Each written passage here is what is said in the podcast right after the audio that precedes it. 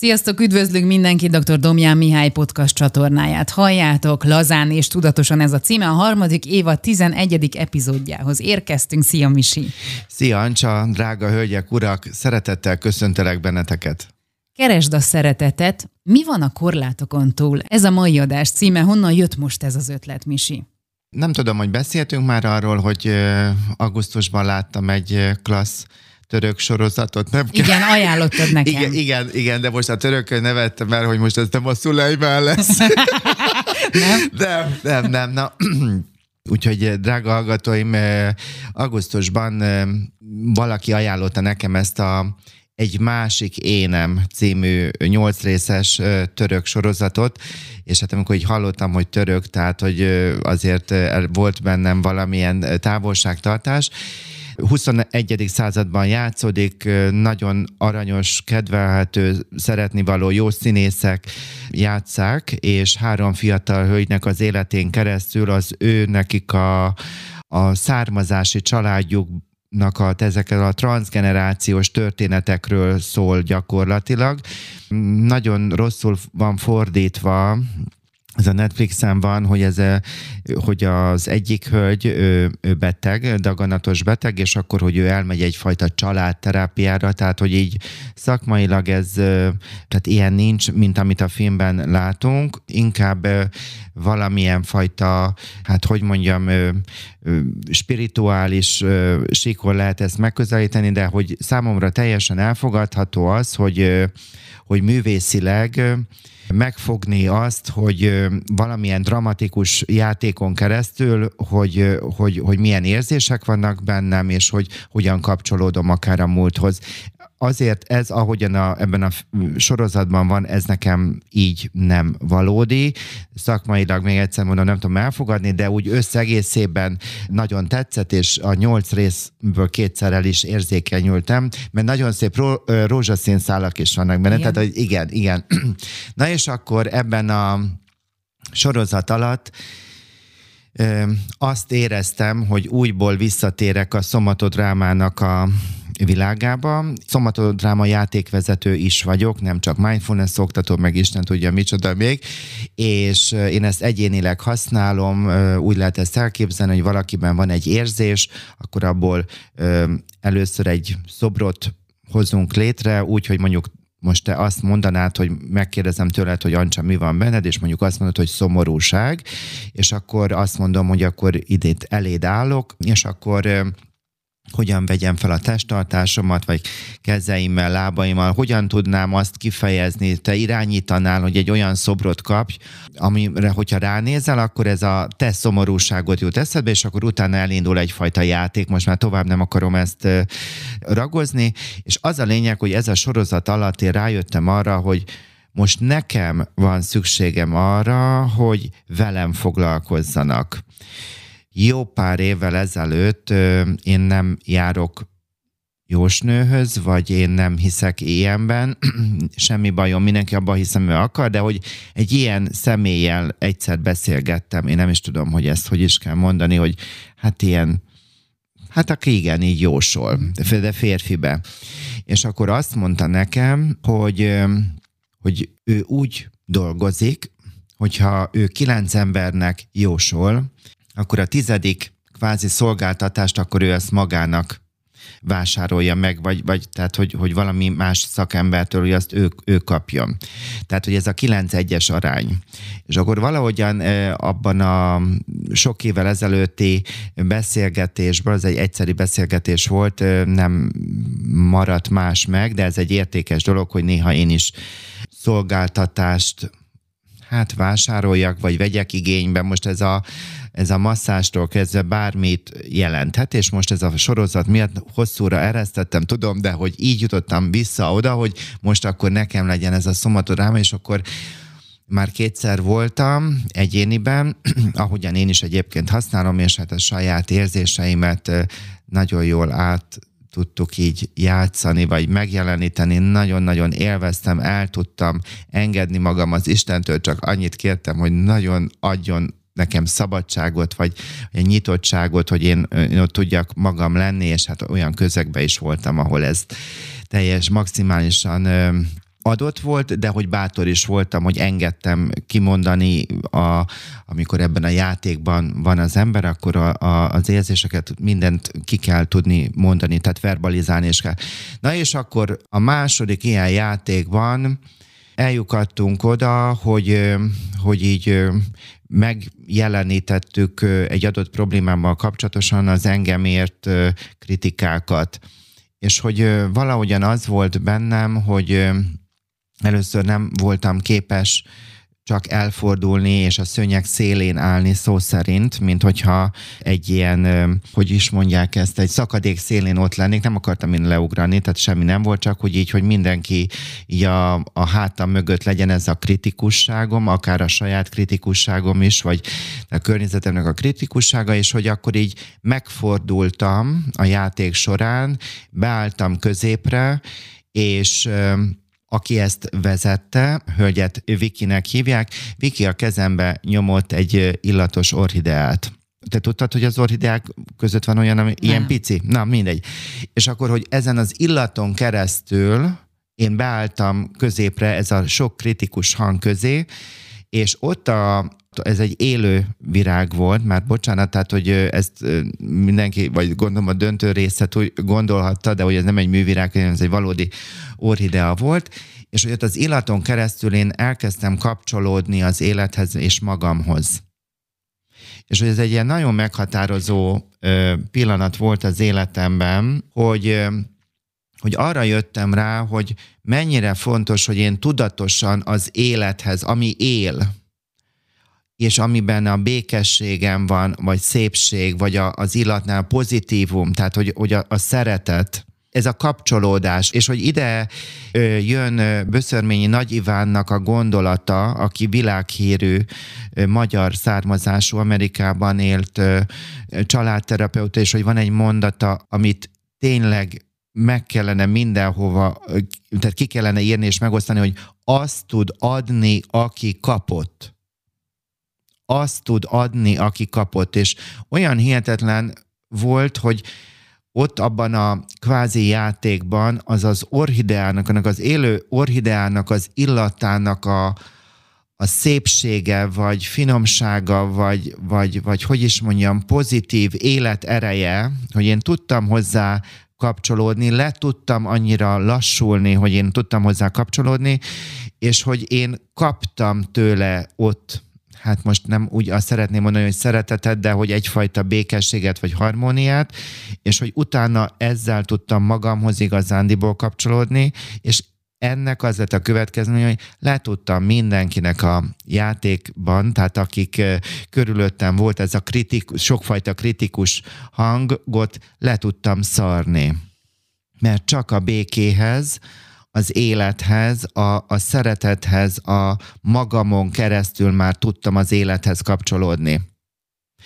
És ez egy ilyen, ez egy ilyen nagyon-nagyon meghatározó élmény vált, és akkor persze van olyan kolléganőm Debrecenben, aki, aki hát mi emberileg, barátilag nagyon jobban vagyunk, meg szakmailag is, meg szeretem az ő családját is, és tisztelem őket, és hogy rögtön ő vele is ezt át kellett beszélni ezt a helyzetet, mert hogy rájöttem arra, hogy, hogy amíg ebben a játékon keresztül, hogy tehát újból, újból igazat nyert Böszörményi Nagy Ivánnak a szava, hogy azt tud adni, aki kapott. És hogy mennyire fontos, hogy én keressem, keressem, és mit keressek az életbe? A szeretetet. Igaz? Tehát tulajdonképpen ez most ez az én jelmondatomról szól, tehát hogy ennyire aktuális podcastot életemben nem vettünk, szóval nem, vagy nem, nem vettünk még fel, mert, mert hogy most én rájöttem arra, hogy, hogy folyamatosan ez kell egy tudatosság, egy lassulás, és az, hogy, hogy mi a fészkes fenét akarok keresni az életben, az életet, vagy a szeretetet, vagy a harmóniát, szépséget, és akkor ez így elindult bennem, ez egy folyamat, és még egy másik is, amit még itt az elején el szeretnék neked mondani, hogy képzeld el, hogy találkoztam egy olyan fiatal emberrel, és ezt most magánéletileg mondom, egy rokonnal, akivel hát én nem beszélgettem eddig, mindegy, hogy ő hogyan rokon nekem, és hogy kiderült róla, hogy ő 6 vagy 7 vagy 8 vagy 9 éve, én nem tudom hány éve jár pszichoterápiába. Ő nem pszichológus. És hogy azt mondta nekem magáról, hogy ő szorongó ambivalensen kötődik. Mindegy, erről is fogunk beszélni. És én teljesen le voltam azon döbbenve, hogy valaki a saját kötődéséről ilyen tudatosan tud, tudja azt, hogy ez mit jelent, és hogy egyáltalán, hogy ez a kötődés, ez, ez, ez utána hogy van az ő életében. Tehát én nagyon kevés olyan hölgyel, úrral találkoztam, akinek, hát hogy mondjam, ilyen mély önismereti élménye lenne, vagy hát úgy érzem, hogy nekem is ez a legfontosabb erősségem. A szakmaiságnak az alapja az mindig az önismeret kell, hogy legyen, de hogy akkor ez is így elindult bennem, hogy hogyan kötődöm hogyan tudok én kötődni? Na, de most, most már hagynálak egy kicsit érvényesülni, és akkor megpróbáltam felépíteni magamban ezt a, ezt a podcastot úgy, hogy szeretnék a szeretetről is ö, beszélni, hogy mennyire nehéz szeretni, vagy mennyire árnyalt az a szó, hogy szeretet, és hogy ez mennyire kapcsolatban van azzal, hogy igazándiból milyen kötődési mintával rendelkezem. Beszéltünk már korábban több podcastban is a szeretetről. Mit ismételnél meg, vagy mivel bővítenéd a megosztásodat? Igen, nem tudom, százmillió egy helyen elmondtam, hogy három dimenziója van. Az első, hogy a szeretet az egyfajta akarat, vagy választás, vagy döntés. Ugyanakkor van neki egy belátás, vagy egy értelmi része, és természetesen van egy érzelmi is, és hogy nagyon sokszor, amikor hogy én azt döntöm, hogy én valamibe beleállok, az is a szeretet. Tehát, hogy most ez pozitívan, hogy most én felelősséget vállalok, mondjuk a hallgatóimért, vagy a, tehát a munkám, vagy bármivel kapcsolatosan, hogy hogyan vezetek, ez is egyfajta hát normalitásnak, vagy, vagy szeretetnek is lehet mondani. Na most fontos, hogy ennek a szeretetnek van három ö, síkja, vagy úgy lehet mondani, hogy három kapcsolati szinten is lehet ezt nézni, hogy, hogy hogyan tudom magamat szeretni, hogyan tudom a többi embert szeretni, és akinek a hitajándéka megvan, hogy az Istent vagy egyfajta transzcendenciát hogyan tudja vele megélni a kapcsolatot, és a kapcsolaton belül ezt a szeretetet. Most erről is igaz, több podcast szól.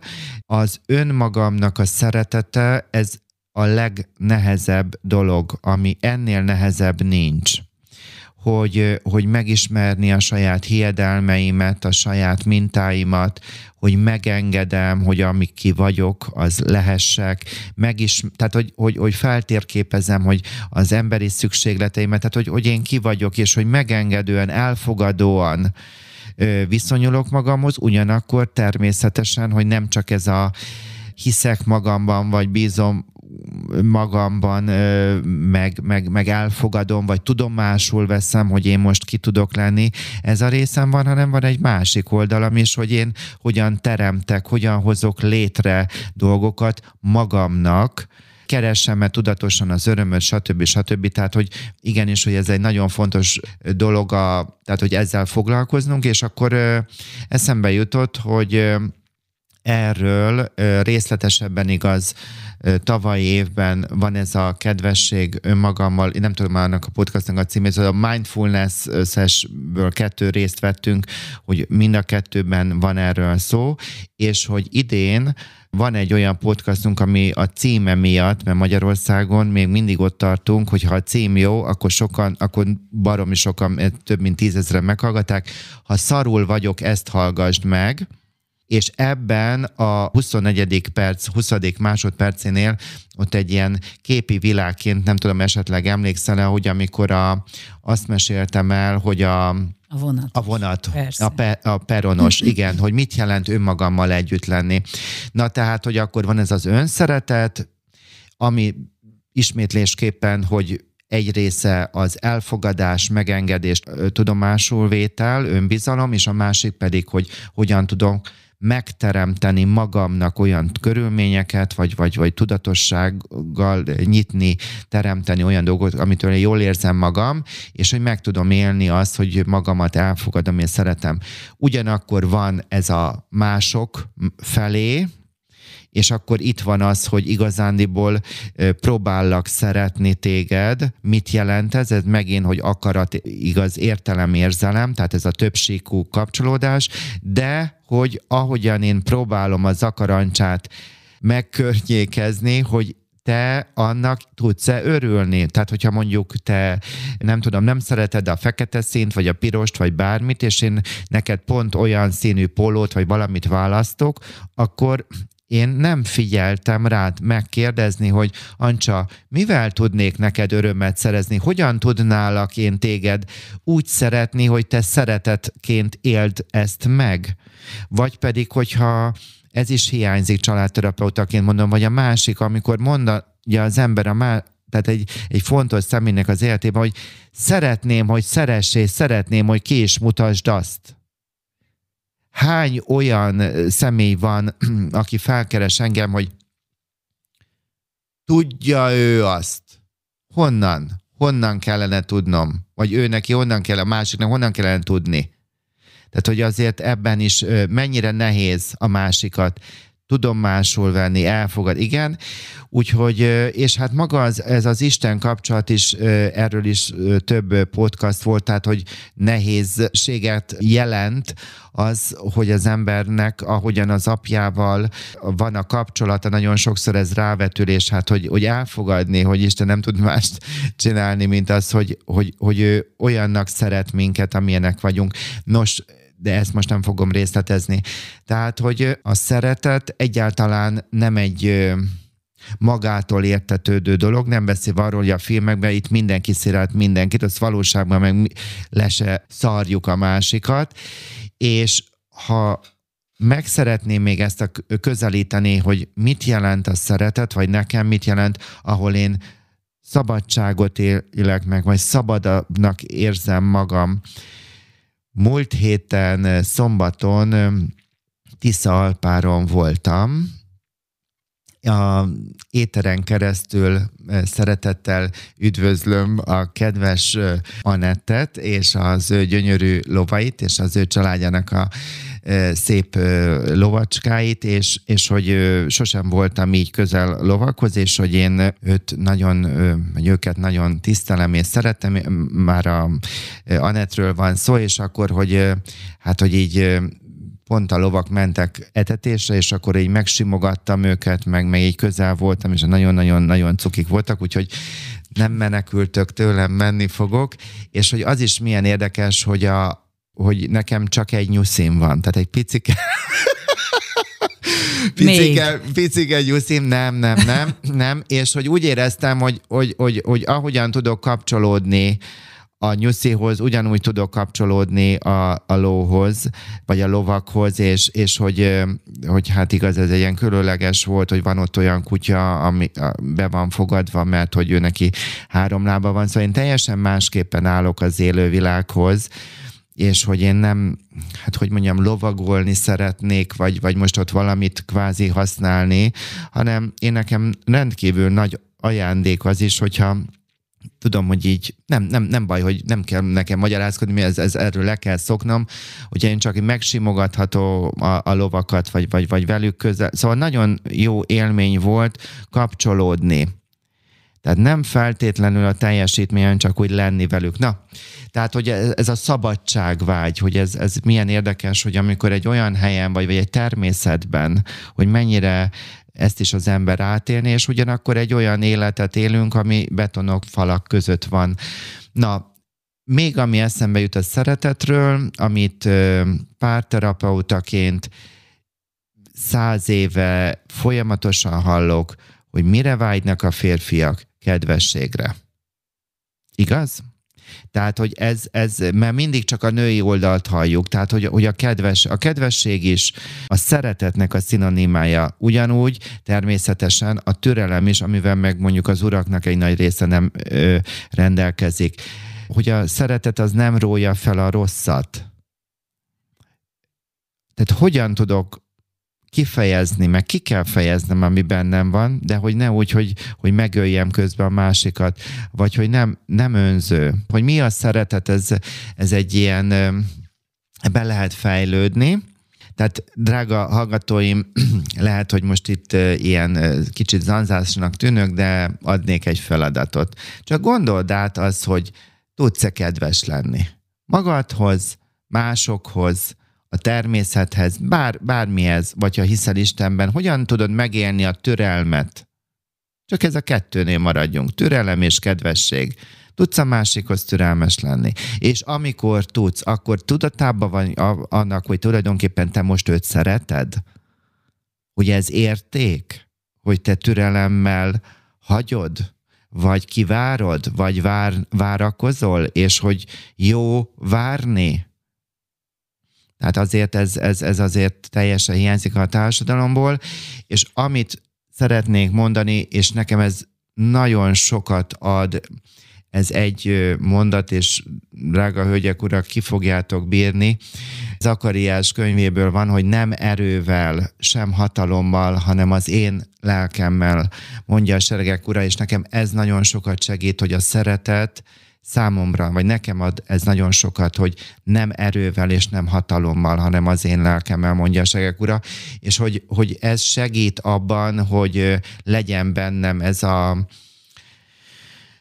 látság vagy kedvesség, és, és ez nem mond ellent annak, hogy igenis, hogy a szeretetnek a része, amikor nemet mondok, határozottan nemet mondok, tehát hogy ez a határok, ha nem tudsz a határt húzni, tehát hogy nem tudsz ö, nemet mondani, akkor te nem szeretsz. Sem magadat nem tudod szeretni, sem mást. A szeretet különféle megközelítése után nézzük meg az anya-gyermek kapcsolatokat, hiszen ott kezdünk el szeretni. Mit gondolsz erről?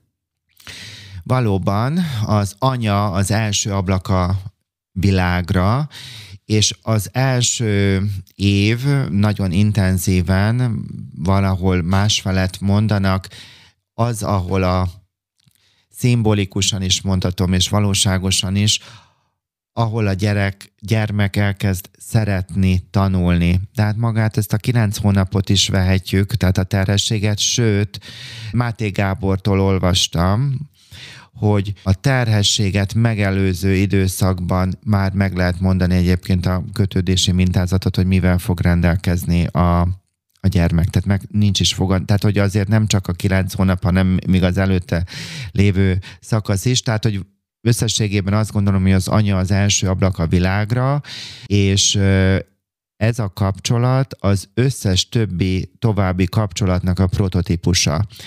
Az urakat nem kell az apákat természetesen leírni, mert nagyon fontos megérteni egy apukának, hogy az a, azt szoktam kérni, hogy érjen haza fürdetésre. És hogy a, gyerekkel, hogyha minőségi időt így tud tölteni, és, és tud vele időt tölteni, igenis, hogy tud a gyermek elindul ugyanúgy a kötődés az apa irányába, és egy apa nem leváltható, és nagyon nagy szükség van rá, de valójában az első évben, tehát a gyermeknek az első évében meg kell érteni, hogy, az, hogy a hölgy, tehát a feleség az elsősorban az anyaszerepben van, és azzal minden oké, okay, és hogy hagyni is kell, hogy ő babázzon, tehát, tehát hogy inkább, ha valaki segíteni akar egy olyan hölgynek, aki most szült, vagy az elmúlt egy évben, akkor ne a gyereket vett ki, drága hallgatom az ő kezéből, hanem akkor fog meg a mosogatószivacsot, vagy a porszívót, vagy főzzé neki, és hagyd, hogy ő babázzon.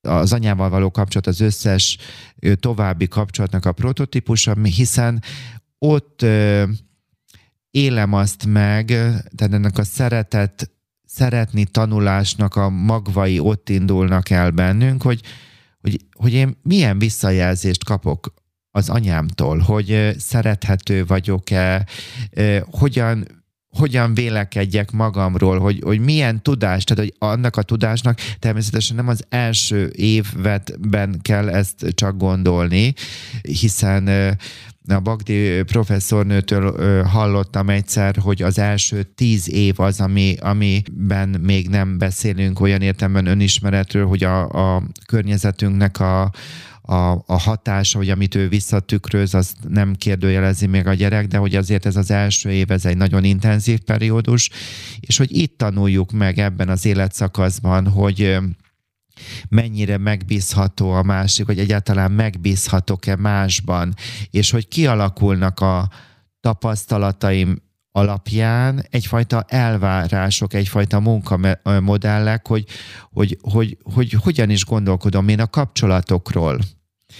Tehát ez egy vissza nem térő, nagyon intenzív periódus, de ez nem jelenti azt, hogyha valaki olyan közegben nőtt fel, ahol nem volt elérhető az anyja, vagy nagyon keveset kapott az anyjából, vagy az apjából, vagy, vagy olyan gondozó, vagy nem volt ott egy szerető nagymama, hogy ez a viszony határozná meg a, a későbbi felnőttkori kötődéseit, de hogy vizsgálatok kimutatják, hogy nagyon-nagyon intenzív a kapcsolat az, ahogyan gyerekként átértük ezt az első évet, és ahogyan később a felnőttkori kötődéseinket megéljük, sőt, továbbadjuk a következő nemzedéknek. Akkor kezdjünk neki a különféle kötődési mintáknak mesélni róluk. Volt egy olyan vizsgálat, hölgyek, urak, ne kapcsoljatok el, hanem bíztatok a, a, a drága doktoratot hogy a dottore az nem fog kivéreztetni benneteket ilyen száraz dologgal, de azért ennyit kibírtok. Hát ez jó pár évtizede volt egy ilyen vizsgálat, 12-18 hónapos gyermekeket, ez úgynevezett idegen helyzet kísérlet volt.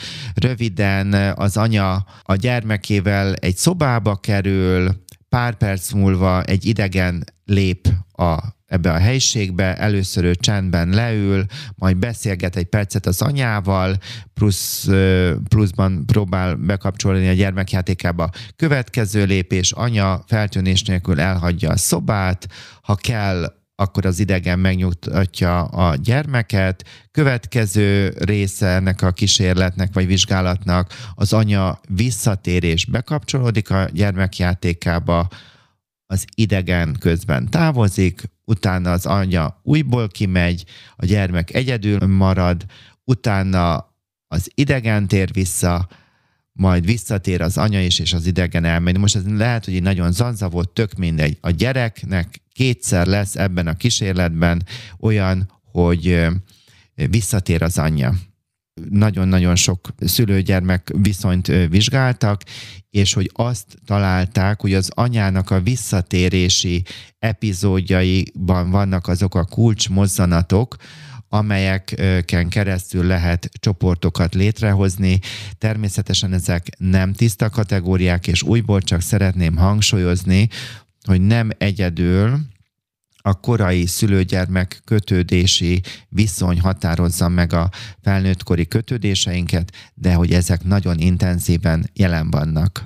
Nézzük az elsőt, a biztosan kötődő mintát akkor. Igen, hát ez a legszebb, legjobb dolog. Azok a gyerekek tartoznak egyébként körülbelül 50% ide tartozik, akik tehát a biztonságosan kötődő csoportjába izgatottak, amikor az anyjuk kiment, amikor az anyukájuk ö, ö, visszatér, azonnal kapcsolatot keresnek velük, ö, lehetséges, hogy ez úgy jelenik meg, hogy csak távolról nyugtázza, elégedetten, vagy fizikai kapcsolatot keres vele, megnyugszik az anyja jelenlétében, az idegen az kevésbé tudja őket megnyugtatni, és elsősorban az anyukkal törődnek. Tehát, hogy ez a biztonságos kötődésnek ez a ö, ismérve. Mi a helyzet a szorongó ambivalens kötődésű gyermekekkel? Igen. Nyugalom, mokuskák ott a, túl, a étel túloldalán összesen négy darab ö, ö, kategória van, tehát a biztonságos kötődő, ez volt az egyik, és akkor jön még három, de a, ezt is elárom, a negyediket, azt csak meg fogom említeni, tehát az egy ilyen nagyon, úgyhogy háromra kell fókuszálni, úgyhogy háromig meg el tudunk számolni. Tehát, hogy a szorongó, ambivalens kötődésű gyermekeknek a csoportjára következők jellemzőek, még a kísérlet elején, tehát az anya, gondold el, Ancsa, még ki sem ment, de szerintem hát te ezt tanultad a diplomádnál, Valamikor ebből le is igen. vizsgáztál. igen, tehát, hogy még, még az anya ki sem ment a szobából, de látszik, hogy a gyermek szorong. Nagyon feldultá válnak, amikor az anyuk kiment, és amikor pedig visszatér, tehát a kísérletbe kétszer tér vissza az anya, itt jön az ambivalencia. Egyszerre keresi az anyjával az érintkezést, ugyanakkor ellen is áll neki. Tehát például, hogy sír, hogy vegyék fel, amikor pedig ez bekövetkezik, akkor dühösen fészkelődik, hogy tegyék le. Néhány gyereknél, tehát azért jelentős csoport e- ezen a kategórián belül passzívan viselkednek, sírnak az anyjukért, de nem másznak feléje. Ez egy nagyon szomorú állapot, amiről itt mi beszélünk, tehát ez nem egy ilyen, ez egy nagyon nagy százalék egyébként, hiszen azt mondtam, hogy a biztonságos közel, nem tudom a százalékokat, az közel fele, és akkor ez a maradéknak a fele egyébként, de a negyedéről van szó nem biztos, hogy jönnek, nem biztos, hogy szeretnek. Talán lehetséges, hogy így lehet ezt megfogalmazni. Most bocsánatot kérek a százalékokba, lehetséges, hogy a biztonságos kötődő az több, az 60, ez pedig nem emlékszem már, de most ez teljesen mindegy, de hogy lényeges ö, ö, nagy, nagy százalék, mert logikus, hogyha 2 százalék lenne, az is nagyon sok, de hát ez sokkal nagyobb. Tehát nem biztos, hogy jönnek, nem biztos, hogy szeretnek, tehát ambivalencia ez és a szorongás, ez így jelenik meg, ezt lehet látni ebben a csoportban. Mi a helyzet a szorongó elkerülő kötődésű gyermekekkel? Amíg az anya nem ment ki, többé-kevésbé közömbösek az anyukkal. Vagy sírnak, vagy nem, amikor az anyukájuk kimegy. Nagyon érdekes, hát érdekes, vagy szomorú, sajnálatos, hogy az idegen ugyanolyan hatékonyan tudja őket megvigasztalni, mint az anyjuk. Amikor egyébként az anyjuk visszatér, akkor a gyermek elfordul elfordul, nem megy oda az anyjához vigasztalásra. Háttérben, ha meg tudnám, vagy magyarul összefoglalnám, az úgy tudnám mondani, hogy sírok, sírok, sírok, de abba hagyom, mert rájöttem már eddig, hogy senki sem jön a segítségemre. Tehát rájöttek ezek a gyerekek, hogy a korábbi tapasztalatok alapján, hogy, hogy a hiszti nem segít, és ezért inkább kontrollálja magát, és hát ennek az alapja szintén a szorongás. Úgyhogy ez egy szintén egy nagyon szomorú állapot. És mi a negyedik csoport? A negyedik csoport, ez a zavart kötődés, ők dezorientáltnak, érzelemmentesnek vagy lehangoltnak tűnnek, nem tudják, hogy pontosan kihez és hogyan kötődjenek, háttérben érzelmi bántalmazás, hosszú távon elszenvedett agresszió, abuzív viselkedés, többfajta bántalmazás vagy sérülés, szülőknek a pszichiátriai kezelése, hogy nem vették igénybe, tehát hogy nem tudtak érzelmileg rácsatlakozni a gyerekre. Azt szűri le ebben a csoportban lévő gyerek, hogy az a normális, ha bántalmazva vagyok, ha verve van, és sajnálatos módon szintén Máté Gábornál ö, ö, beszél erről, hogy, hogy az agyi struktúrában ki van mutatva, hogy, hogy, hogy létrejönnek a változások, és hogy nagyon sokszor ebben a csoportban tartozó emberek, ez nem fekete vagy fehér, ez már most harmadszorra mondom, hogy ezek csak egy ö, nagyjáboli csoportos, csoportosulások, hogy a függőségeknek a magvai is ide tartozhatnak, de nem csak ide tartozhatnak. Amit, mert hogy ki fogom mindegyik csoportot részletesen mondani, de ezt a zavart kötődésű helyzetet nem, mert ez csak kizárólag szakembernek a segítségét, hosszú évek munkájáról van szó, e, ezért nem kívánok erről beszélni. Ha valakinek szülőként egy olyan gyermeket fogadott örökbe, akinek zavart a kötődése, akkor nagyon-nagyon tudatosan rengeteg időt kell tölteni vele, eleve ez nagyon fontos minden esetben, hogy a minőségi időn keresztül tud a, a kötődés tud átalakulni, de hát igaz ehhez kellene, kell is egy olyan anyja vagy apa, aki van önismerete és tudatossága. Úgyhogy igazániból ez, ez a négy csoportba lehet őket, a gyermekeket elhelyezni. Nézzük most meg mindegyik csoport anyukáit.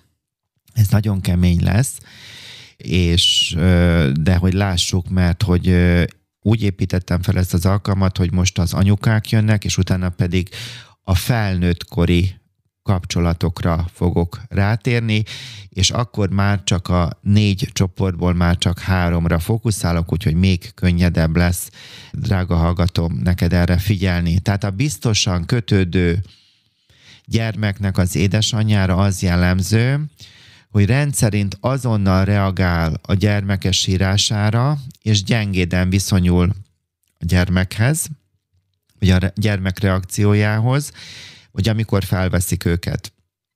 A gyerek jelzéseire támaszkodik az evés megkezdése és befejezése meghatározásában.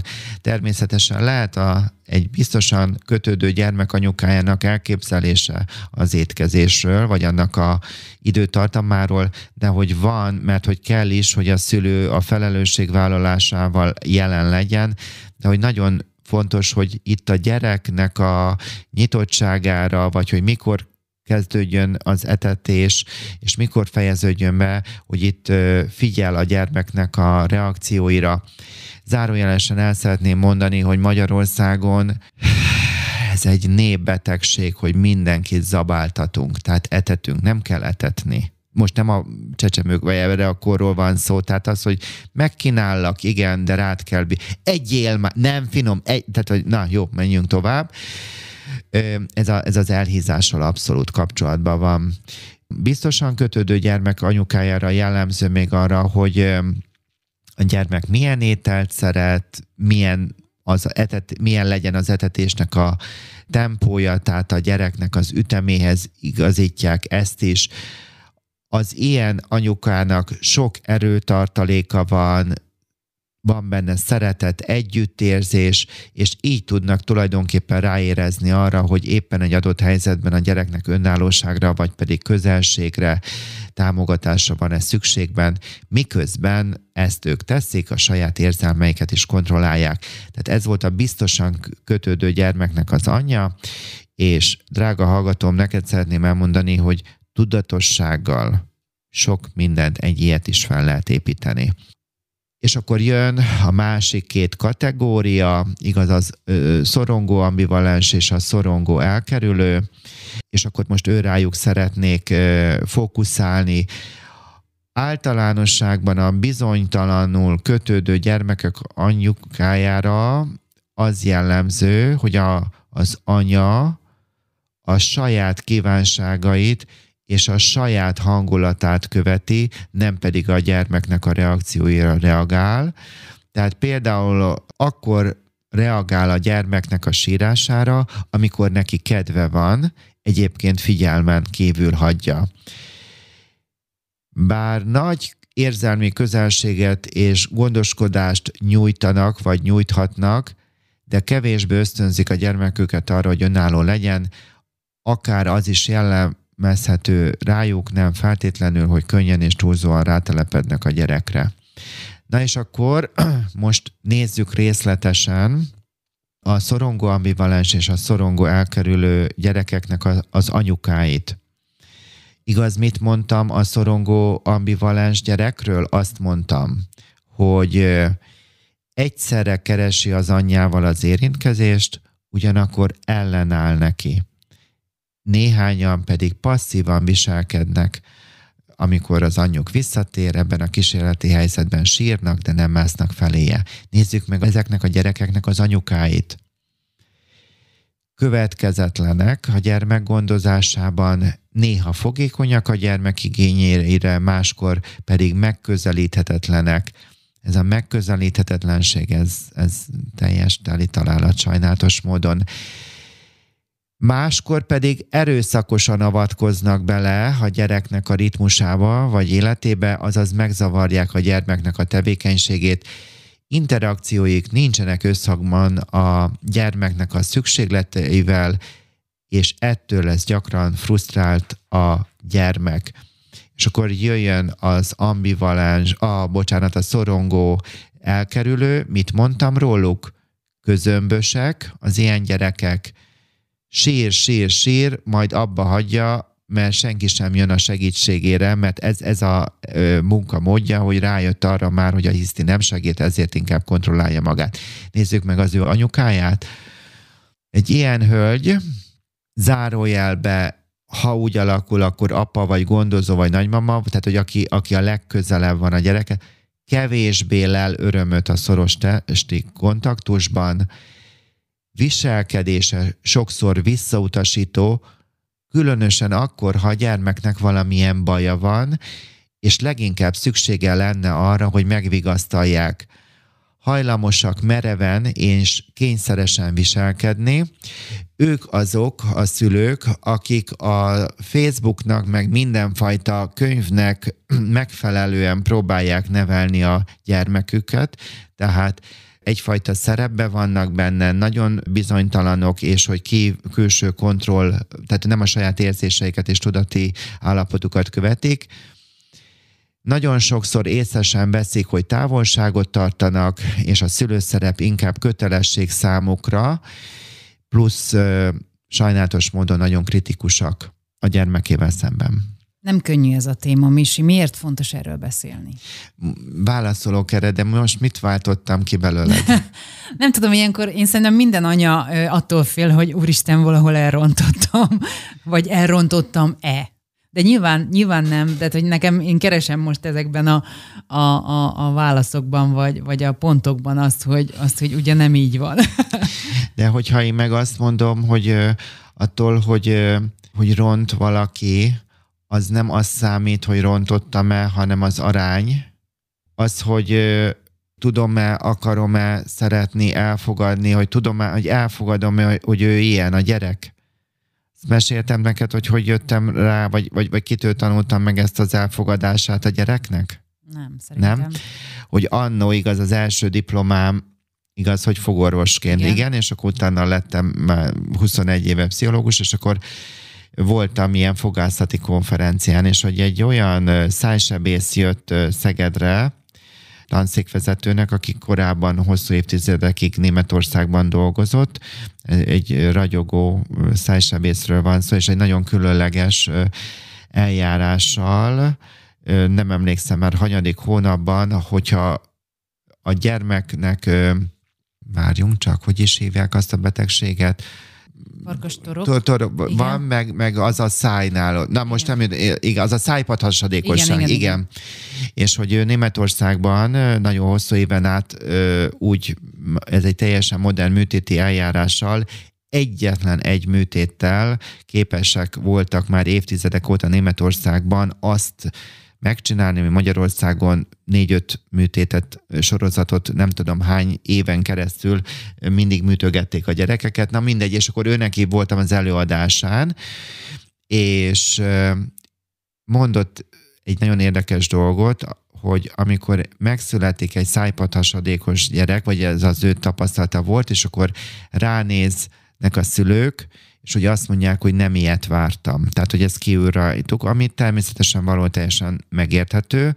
De most van olyan, mert attól ő még utána fel fog ocsúdni ebből, meg tehát nem meg fogja találni, mert minden tudatossá lehet tenni, és a szeretetnek tudatosság nélkül nem tudunk beszélni, ez nem egy érzelmi, ebben van érzelem is, és hogy az érzelmet is meg tudja találni, de most lépek tovább, mert megint magyarázkodom, és és hogy rajta keresztül értettem meg, hogy hogy vannak olyan szülők, hogy nem merik kimondani, nem ilyet vártam. Most lehet, hogy valakinek serdülő korú lett a gyereke, amikor ezt meg tudja, vagy fiatal felnőtt korában fogalmazni, hogy nem ilyet vártam, és hogy nem kell ettől az érzéstől se, vagy ettől mondattól megijedni, hanem akkor megint, megint előjön az, hogy hogy mit, mit is jelent nekem a szeretet. Igen, csak tudod, én, én anyaként sokszor attól félek, hogy a gyerek mondja azt, hogy nem ilyet vártam. De hogy nagyon köszönöm szépen, amit mondtál, hogy, hogy ő neki, hogy ő le fog el téged értékelni, ez az ő egészséges lelkével kapcsolatos. Ha azt szeretnéd, hogy ő egy boldog felnőtt nővé váljon, akkor neki ő benne meg kell születni az, hogy nem ilyen anyát vártam, hogy le kell, hogy téged értékeljen, mert egyébként nem fog visszatalálni hozzád.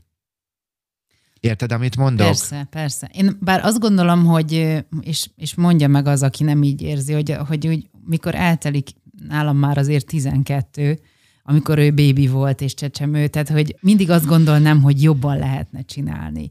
És én nagyon, én most már eljutottam oda a 12 éves lányommal, hogy, hogy bocsánatot kértem azért, hogy sokszor ott játszott a színpad mellett, mikor, mikor én dolgoztam, és ő erre azt mondta, hogy anya, ne viccelj már, én azt úgy szerettem. Tehát, hogy benne teljesen másképp csapódik az le, mint amit én most így felnőttként átélek.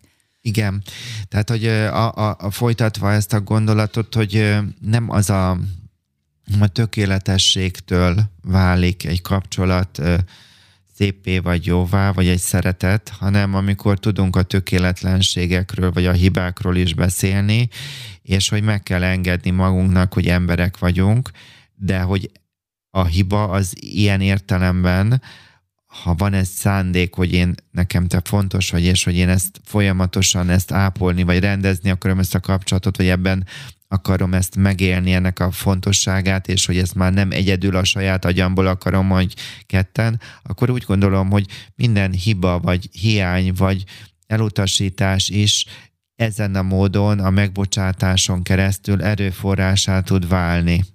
Tehát, hogy én nem abban hiszek, hogy tökéletesen kell élnünk, hanem nyitottság arra, hogy elismerjük, hogyha hibáztam, hogy bocsánatot kell kérni, hogy el tudom-e ismerni a másiknak, hogy én fájdalmat okoztam neki, vagy, vagy, vagy rákérdezek, hogy meg tudnál bocsátani, vagy hogy hogyan tudnánk ezt a kapcsolatot rendezni. Na, tehát ez a szeretettel tes sztori, hogy nem, nem könnyű, meg a kötődések meg még nehezebbek, de hogy miért fontos ez, drága hallgatom, ha te nem tudatosítod, hogy milyen kötődési stílussal rendelkezel, akkor nincs lehetőséged arra, hogy, hogy te változtass, és tovább fogod ugyanezt adni a következő generációnak.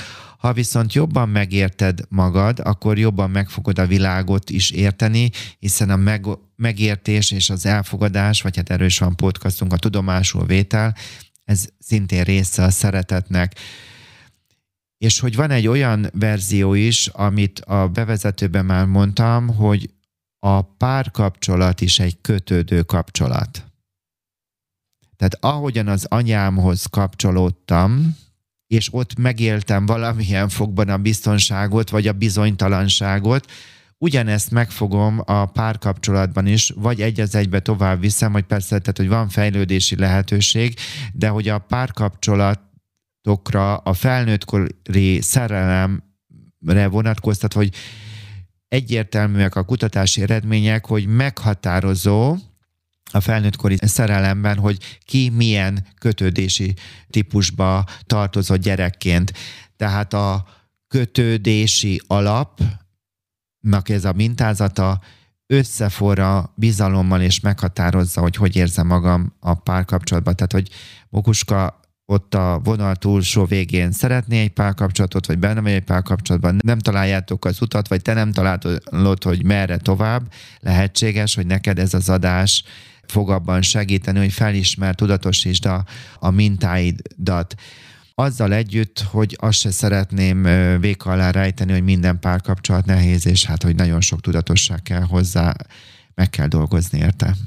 Meg lehet egyáltalán ezeket változtatni. Abszolút, ezeket a mintákat, ezeket a kötődési mintákat meg lehet, hogyha van élő, támogató kapcsolatunk, barátaink, vannak olyan személyek, ahol az elfogadást, a megértést átélem, akkor hát ez egyébként professzionálisan ilyen maga a pszichológus, akkor ez nagyon sokat tud segíteni, illetve ha vannak olyan nagy horderejű, markáns, tartós, egyben újszerű változások az életben, az is nagyon sokat segít.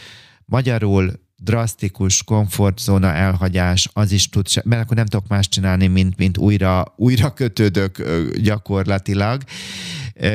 Önismereti munka fontos, ezt már százszor elmondtam, felismerni az érzelmeimet, megtanulni verbalizálni, felvállalni, különösen is a negatív érzelmekről. Állandóan kérdezgetem az embereket, hogy hogyan fejezed ki a haragodat, vagy a szomorúságodat, vagy a félelmedet, hogy ezeket nagyon, de és, a, és akinek meg az öröm hiányzik, vagy a szeretet, tehát hogy olyan családból jön, tehát hogy érzelmeknek a felismerése, felvállalása, mire van szükségem, és hát újból aláhúznám, hogy, hogyha ezek, ezek a kötődéseink nincsenek tudatosítva, akkor továbbadjuk a következő generációnak.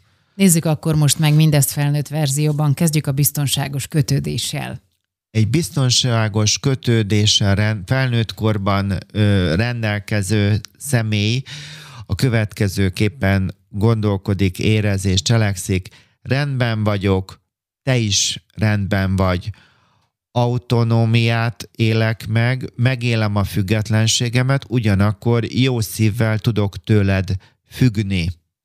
Vannak színes tevékenységeim, vannak hobbiaim, jól érzem magam a bőrömben, bízok magamban, és bízom benned is, rád tudom bízni magam. Képes vagyok az irányodba elköteleződni. Hiszek abban, hogy az autonómiám ez a függetlenségem, ez gazdagítja az, a mi kettőnknek a kapcsolatát, párkapcsolatát, ahogyan a te függetlenséged is az enyém, tehát visszafelé hatva a párkapcsolatunkat gazdagítja. Valóban kíváncsi vagyok a másik emberre, érdekel, hogy ö, ö, mi van vele, veled, jól érzem magam a szexualitásban, és amikor ö, testileg kapcsolódunk közben, lelkileg is közel vagyok hozzád. Ha, amikor mesélek a gyerekkoromról, automatikusan jönnek ezek a képek, pozitívumokat mesélek a gyerekkoromról, akkor jön a következő pont. Esküszöm, ez annyira hiányzik a mai társadalomból, ami most jön, hogy ez, ez, ez, ez elképzelhetetlenül hiányzik. Egy biztosan kötődő, felnőtt ember meg tudja a partnerét nyugtatni. Állandóan rojtosra beszélem a számat, tehát ez egyáltalán nincs meg. Keresi egy biztosan kötődő a megoldásokat, próbálja megérteni a másikat, keresi a kompromisszumot és optimista. Mokuska, ezt majd hallgass vissza, jó? Az elkerülő kötődés felnőtt korban hogy néz ki? Igen, Hát most lyukadunk el, most vagyunk a csúcson. Tehát igaz, a biztosan kötődő, ez, ez amit előfelsoroltam, ezt lehet tudatosan fokról fokra felépíteni, miután felismertem magamba, hogy mondjuk én jelen helyzetben is elkerülő kötődést mutatok a párkapcsolatomban, vagy a párkapcsolatoknak a sékján. Hogyan néz ki az elkerülő kötődés felnőtt korban? Nem szeretnék érzelmi közelségbe kerülni veled.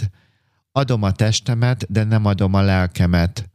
Fontos nekem a teljesítmény, fontos nekem a racionalitás. Keveset mesélek neked a gyerekkoromról van bennem egy olyan gondolat, ami természetesen nagyon sokáig nem volt tudatos, és lehet, hogy még most is tudattalanul bennem van, hogy az érzelmi függőség, tehát az, hogy én rád bízzam magam, ez egyenlő a gyengeséggel. Az érzelmeimet nem osztom meg veled, nem tudok segítséget kérni, és leginkább túlterhelem magam a munkával. Hiedelmem, én tudom, mi a jó, te viszont nem tudod, így én irányítani akarlak téged.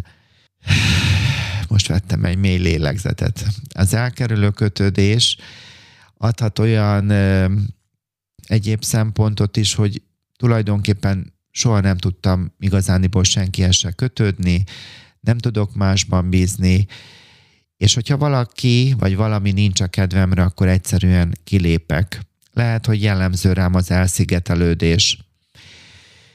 És jellemző lehet rám az is, hogy a szeretet, az figyelem és a szexnek a megtagadásával próbálok téged irányítani, vagy manipulálni. manipulálni. Lehetséges, hogy önmagammal túlságosan szigorú vagyok, és a félelmem pedig a megszégyenülés és a hibázás. Kerülöm a kihívásokat, nehezen keresem a konfliktusokat. Na milyen volt? Durva. Durva, na. Igen, elgondolkodtató. Mire érdemes nekik tudatosan figyelni? Igen.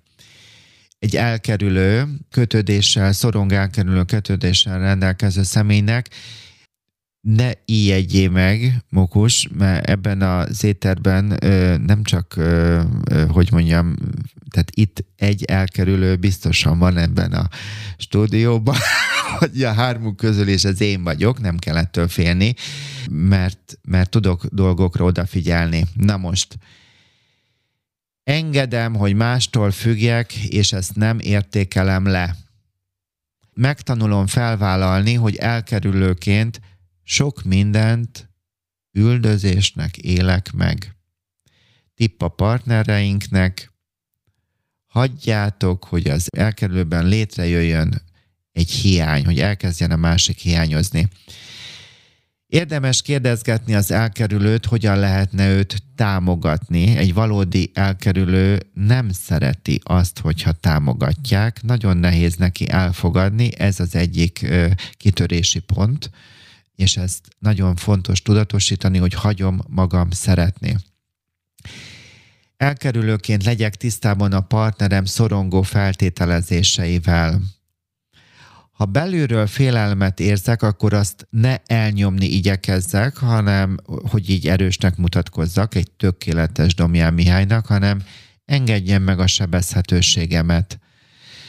Próbáljam meg kifejezni az érzéseimet, vállalni a nyílt, őszinte kommunikációt, lássam be, hogy eddig azzal védtem magam a kudarcok ellen, hogy kerültem az intim kapcsolatokat, és fenntartottam egyfajta független és sebezhetetlen állarcot. Tanuljak meg konfrontálódni, kimondani a dolgokat, szembesíteni a másik a dolgokat, tanuljak meg kezdeményezni, tanuljak meg érezni engedjem meg magamnak a feloldódást. Investáljak tudatosan az emberi kapcsolatokba, vonjak be másokat is a munkába, és váljak csapatjátékossá. Így már pozitív? Igen. Igen, nehéz, tudom, nagyon nehéz. Ez, ez, a, ez a legnehezebb dolog, de ezt, ha nem ismeri fel az ember, hogy ő hova tartozik, és hogy melyek azok a pontok, amelyeken keresztül tudna tudatosan előre jutni, és hogy keresni a szeretetet, akkor, akkor ugyanazt fogjuk élni, mint eddig, és azt fogjuk továbbadni. A szorongó ambivalens kötődés felnövekedve hogy néz ki? Rengeteg érzelmet viszek bele a kapcsolatba. Nagyon akarok kapcsolódni, közben hol dühös vagyok, hol könyörgök, hol pedig ö, szomorúságot mutatok az irányodba. Jellemző lehet nekem, rám vonatkoztatva, hogy ostorozom magam, kisebb rendőrséget érzek, vágyom a másikra, vágyok rád, de sok kérdés örlődik bennem. Valóban megbízhatok benned? Azt érzem, hogy sohasem tudok elég közel kerülni a másikhoz. Következő pont, ez nagyon klassz és igaz. Agyalok, folyamatosan agyalok a kapcsolatokon. Mi vagyunk az agyalók lehet bennem egy olyan gondolat, hogy kontrollállak, manipulállak, ugyanis van egy olyan félelem, hogy vigyáznom kell, nehogy meglépj. Az Isten kapcsolatomra is igaz az, hogy tele vagyok kételyekkel. Ha elkerülő társam van, akkor folyamatosan közel akarok a másikhoz kerülni, amire az elkerülő még jobban hátra fog lépni, és megerősödik benne, hogy valóban neki hátrább kell lépni, én bennem pedig az fog megerősödni, hogy még közelebb kell menni, és ezért tudjuk fenntartani a párkapcsolatot. Munkamódom, én nem vagyok oké, okay, a többi viszont oké, okay, sőt, felülértékelem a másikat. Jobban kötődöm a partnerhez, mint viszont. Azonban az is igaz, hogy agresszív tudok lenni azok felé, akiket szeretek. Gyakran szakítok, amit intenzív gyász követ. Szüleimről még mindig rosszakat mondok. A lényemmel kapcsolatosan mondhatom azt is, hogy elárasztom magammal a környezetünket. Félek a szeparációtól, és végsőként mindent hajlandó vagyok tenni, hogy kedveljenek. Úgyhogy a, egy szorongó, ambivalens kötődésű személynek tudatosan mindezeknek az ellentétére érdemes odafigyelnie, hogy az érzelmeit, ez a, hogy mondjam, az érzelmeinket is lehet például ez, amit mondtam, hogy nekem most ez a szomatodráma nagyon sokat segített, hogy, hogy felismerni, tudatosítani, és megnézni azt, hogy a, az érzelmeim között, mögött, főleg a negatívakra vonatkozik, hogy milyen emberi szükségletem van. Tehát, hogyha nagyon ingadoznak ezek az érzelmeink, akkor folyamatosan megnézni, hogy adott abban az adott helyzetben, hogy milyen szükségletem van. Mennyire fontos az is ebben a csoportban, aki most ezt éli, vagy így kötődik felnőttként, hogy meg kell nézni, hogy a szavaimmal amikor, amikor beszélek veled, hogy abban mennyire tudok tudatos lenni. Tehát, hogy, hogy folyamatosan ezt a ambivalenciámmal kapcsolatosan ez az elárasztás, amit, amit, amit teszek, hogy itt is nem vannak olyan dolgok, amelyeket megtanulok, hogy nem kell kimondani, hanem hogy rád bízok. Nem kell jobban futnom a másik szekere után, mint ahogyan ő fut utánam másik is dolgozzon meg azért, hogy én hozzám tartozhasson. Tehát miért kellene nekem többet tennem azért, hogy engem te jobban kedvelj, mint ahogyan én kedvellek téged. Annyira sokat jelent, mert természetesen ezek a kötődé, azért itt vannak nagyon erőteljes áthallások is, hogy nekem a saját életemben nagyon-nagyon sokat ad az, az a gondolat, hogy nem akarok a másik helyet megdolgozni dolgokat. Tehát, hogy igenis, hogy ez is nagyon sokat segít, hogyha hagyom, teret adok a másiknak, és hogy közben pedig, tehát hogy mondjam, drága hallgató, itt bárki bárhova tartozik, meg hát igaz, ez csak még egy szintér volt, a adásunknak vége lesz, rögtön, de hát, hogy még azzal is lehet bonyolítani a történetet, hogy nem csak kötődéssel rendelkezhetem, hanem pszichopatológiával is. Tehát lehetek én narcisztikus is, miközben valamilyen kötődésem van, és hogy vagy depresszióstok, ez, hogy nagyon sok egyéb vagy akár átmeneti veszteségekkel is még, vagy, vagy, vagy tartós dolgokkal szenvedek. Tehát, hogy fontos, hogy az ember ne akarjon több lenni, mint a, a, ami vagyok, és hogy azokat az emberi kapcsolatokat, ahol szeretet van, vagy hogy folyamatosan ebben a lássam azt, hogy nekem tennem kell azért például, hogy minden nap most kaptam egy kedves visszajelzést, pont egy olyan hölgy, aki a lovával Konga, Konga volt a lován, le is fotózta, nagyon aranyos volt, hogy írta az Instagramon, egyébként apropó, nyug, kövessetek minket az Instagramon, szakmai Facebook, TikTok, nem tudom még hol, és akkor meg vár, várlak benneteket a, a budai előadásokra, vagy hát ott van, a, ez a, van ez a link Tree linkfa, azon keresztül láthatjátok, hogy milyen előadásokat vagy tréningeket tartok. Tehát megköszönöm, tényleg képzeld el, Ancs, hogy olyan aranyosak vannak, akik, akik támogatnak. Most megint megszűntek a, ezek a megvásárolható videók, mert hogy most van ez a jogi változás, ez a katatörvény, meg szóval most itt, mint tudom én, de hogy van a Patreon oldal, és hogy azt is nagyon köszönöm, aki ott támogat. Most csak vissza akarok térni, hogy keresni kell a szeretetet. Tehát először tök mindegy, hogy hova tartozom, fel kell ismerni, nem, mind, nem tök mindegy, de mégis tök mindegy, hogy, hogy, hogy én szembenézni magammal, hogy én milyen köt, nem kell ettől félni, ezről lehet beszélni. És hogy nem begytiszták vagyunk, hanem sok minden, meg felnőttként, ahogyan sok minden behatás ért, hogy, de hogy felismerem, hogy én ki vagyok, és hogy tudatosan bárhol vagyok, együtt érzek magammal, és hogy keresem a szeretetet, és hogy nagyon fontos ebben, hogy, hogy amennyiben szükség van mindenki a lakóhelyének megfelelően kapcsolódjon bele, vagy keressen fel pszichológust, vagy legyenek barátai, ahol az elfogadásomat tudom átérni, mert, mert az tud adni, aki kapott. Tehát ha én jót akarok magamnak adni, akkor először át kell valahogyan élnem azt, hogy én jót kapok. Ez nem önzés, hanem ez tudatosság, és hogy ami nekem a podcastnak a legelején volt, hogy egy, egy orhideán keresztül, illetve hát nem csak az orhidea, hanem a Wikinek a közelségében, vagy a játékon keresztül, meg a bizalmam, meg a nyitottságom, meg a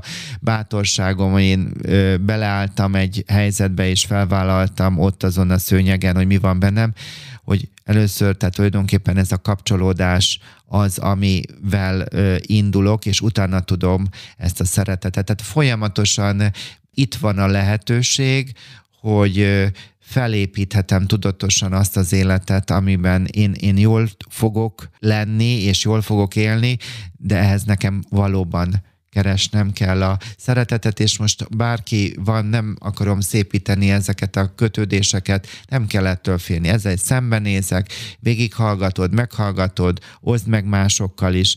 Ennél nehezebb adásunk egyébként nem volt. Több mint két hetet foglalkoztam a munka mellett ezzel. Szegzés? Folyamatosan tanulni és tanítani kell, hogy tanítsuk egymásnak a bizalmat, és a feltétel nélküli elfogadást. Fontos, hogy tudatosítsam, hogy főleg ha valaki fizikai betegként, hogy először a belső biztonságomat kell, a, tehát a biztonság, a békesség, a harmónia, tehát ezt helyre kell állítani magamban, és, és hogy meg kell tanulnom azt a felelősséget, vagy el kell fogadnom, hogy felelős vagyok, hogy békességbe kerüljek, minden téren, ami téren tudok, tegyek meg, van, ahova határidőt adok, ahol pedig még nem tudom megélni a békességet, akkor ott átmenetileg nem csak a határidő segíthet, hanem tudomásul veszek, hogy most itt vagyok, ezen a lépcsőfokon, és ezen a lépcsőfokon kell valami szépet és jót megtanulni, és hogy ezen az úton a tudatosság mellett az őszintesség magammal, mással, mit közvetítek az őszintességgel, fontos vagy nekem. És hogy azt a mintát fogjuk továbbadni, ami, ami, ami nem tudatosan bennünk van, és amit egy, egy, egy beteg, fizikai betegemtől tanultam, hogy bízok, bízom magamban, és bízom benned. És én most ezt szeretném végszónak adni, hogy ez a legfontosabb, hogy eljussak oda, hogy ha keresem a szeretetet, akkor keresem a szabadságot is, és a bizalmat is, és hogy el lehet oda jutni, hogy ha kell segítségigénybevétellel, hogy bízom magamban, bízom benned, és megbocsátok magamnak, és megbocsátok neked, és akár még az Istennek is. És hogy igenis, hogy minden kapcsolaton belül nem fekete vagy fehér, vannak már most olyan pontok, amiben tudok benned bízni, ahogyan magamban is, és hogy szépen apránként fel tudjuk építeni ö, nyíltsággal, őszintességgel, tudatossággal, és akkor, hogyha valóban vannak olyan forrásaim, ahol, ahol átélem azt, hogy szeretve vagyok, és úgy vagyok jó, ahogy vagyok. Szóval szerinted? Szerintem ez egy tényleg nagyon nehéz volt, és, és szerintem ember nincs, aki nem ismert magára, és nem feltétlenül a legszebb kategóriában, hanem... Én, én vállaltam, én azért vállaltam, hogy én, én nekem ez az elkerülő, szorongó elkerülő kötődés, ez ö, nagy, nagy százalékban igaz, de a szorongó ö, ambivalensből is van olyan, amiben én most én ezt ö, ezt nem hibának látom. Nekem, amikor én ezekre elkezdtem rálátni az életemben, ez, ez egy nagyon nagy csalódás volt, mert igaz, van a genetika, van az epigenetika, és a kurva anyát még van egy kötődés is. Érted? de nem az van, hogy, a, a, hogy egy fehér lappal születünk, hanem itt le van osztva egy csomó minden de hogy én hiszek abban, hogy Isten nem valami szarra teremtett, vagy hogy, tehát, hogy, hogy, hogy ez nem lehet, hogy én csak egy, én nem, nem gondolom magamra, hogy áldozatként, de hogy van bennem egy áldozati e, tortaszelet is, de hogy ott van a, meg a lehetőségem, megismerés, tudatosítás, tudomásul vétel, és én hiszek abban, hogy akármilyen vagyok, akár, akár hol tartok, igaz, meséltem neked, amikor börtönbe jártam, végig tudnám hajléktalan szállóra annyi minden helyen, kórházba dolgoztam, családsegítő gyermek jólítani, iskolába, gyesről visszatérő anyáktól, én nem tudom, hogy végig sorolni a női csoport, fiatalokkal foglalkoztam, egészen idősekkel, nem tudom elmondani, hány populációt éltem így meg. Van, amit sok éven át, hogy heti két hetente találkoztam, vagy havonta egyszer. Bárhol tartok, ez bennünk van a szeretetre való igény, az odatartozás, és, és hogy én nem egy, nem tudom mit kínálok, hanem azt, tehát hogy valami tökéletes, hanem itt, itt vannak az erő, e, erőforrások, és, és, és, és felépít, vállalhatjuk azt, hogy, hogy, hogy igenis, hogy jól akarom érezni a bőrömben magam, és azt szeretném, hogy te is jól érezd, és drága hallgató, te is érez jó, és igenis, hogy, hogy akkor tudsz adni, ha kaptál. És most vedd úgy, hogy kaptál, és köszönöm, igen, a visszajelzéseket, a, fotókat, hogyha miközben hallgatjátok, lefotózzátok, és igenis, hogy nekem is szükségem van akár az anyagi támogatásra, mint az elkölcsire, és egyáltalán, hogyha szeretettel gondoltok rám, vagy küldtök egy imádságot mind a kettőnk életére, mert az én életemben most egy nagyon fontos változás jön. Dr. Domján Mihály, köszönjük Köszönöm szépen. szépen.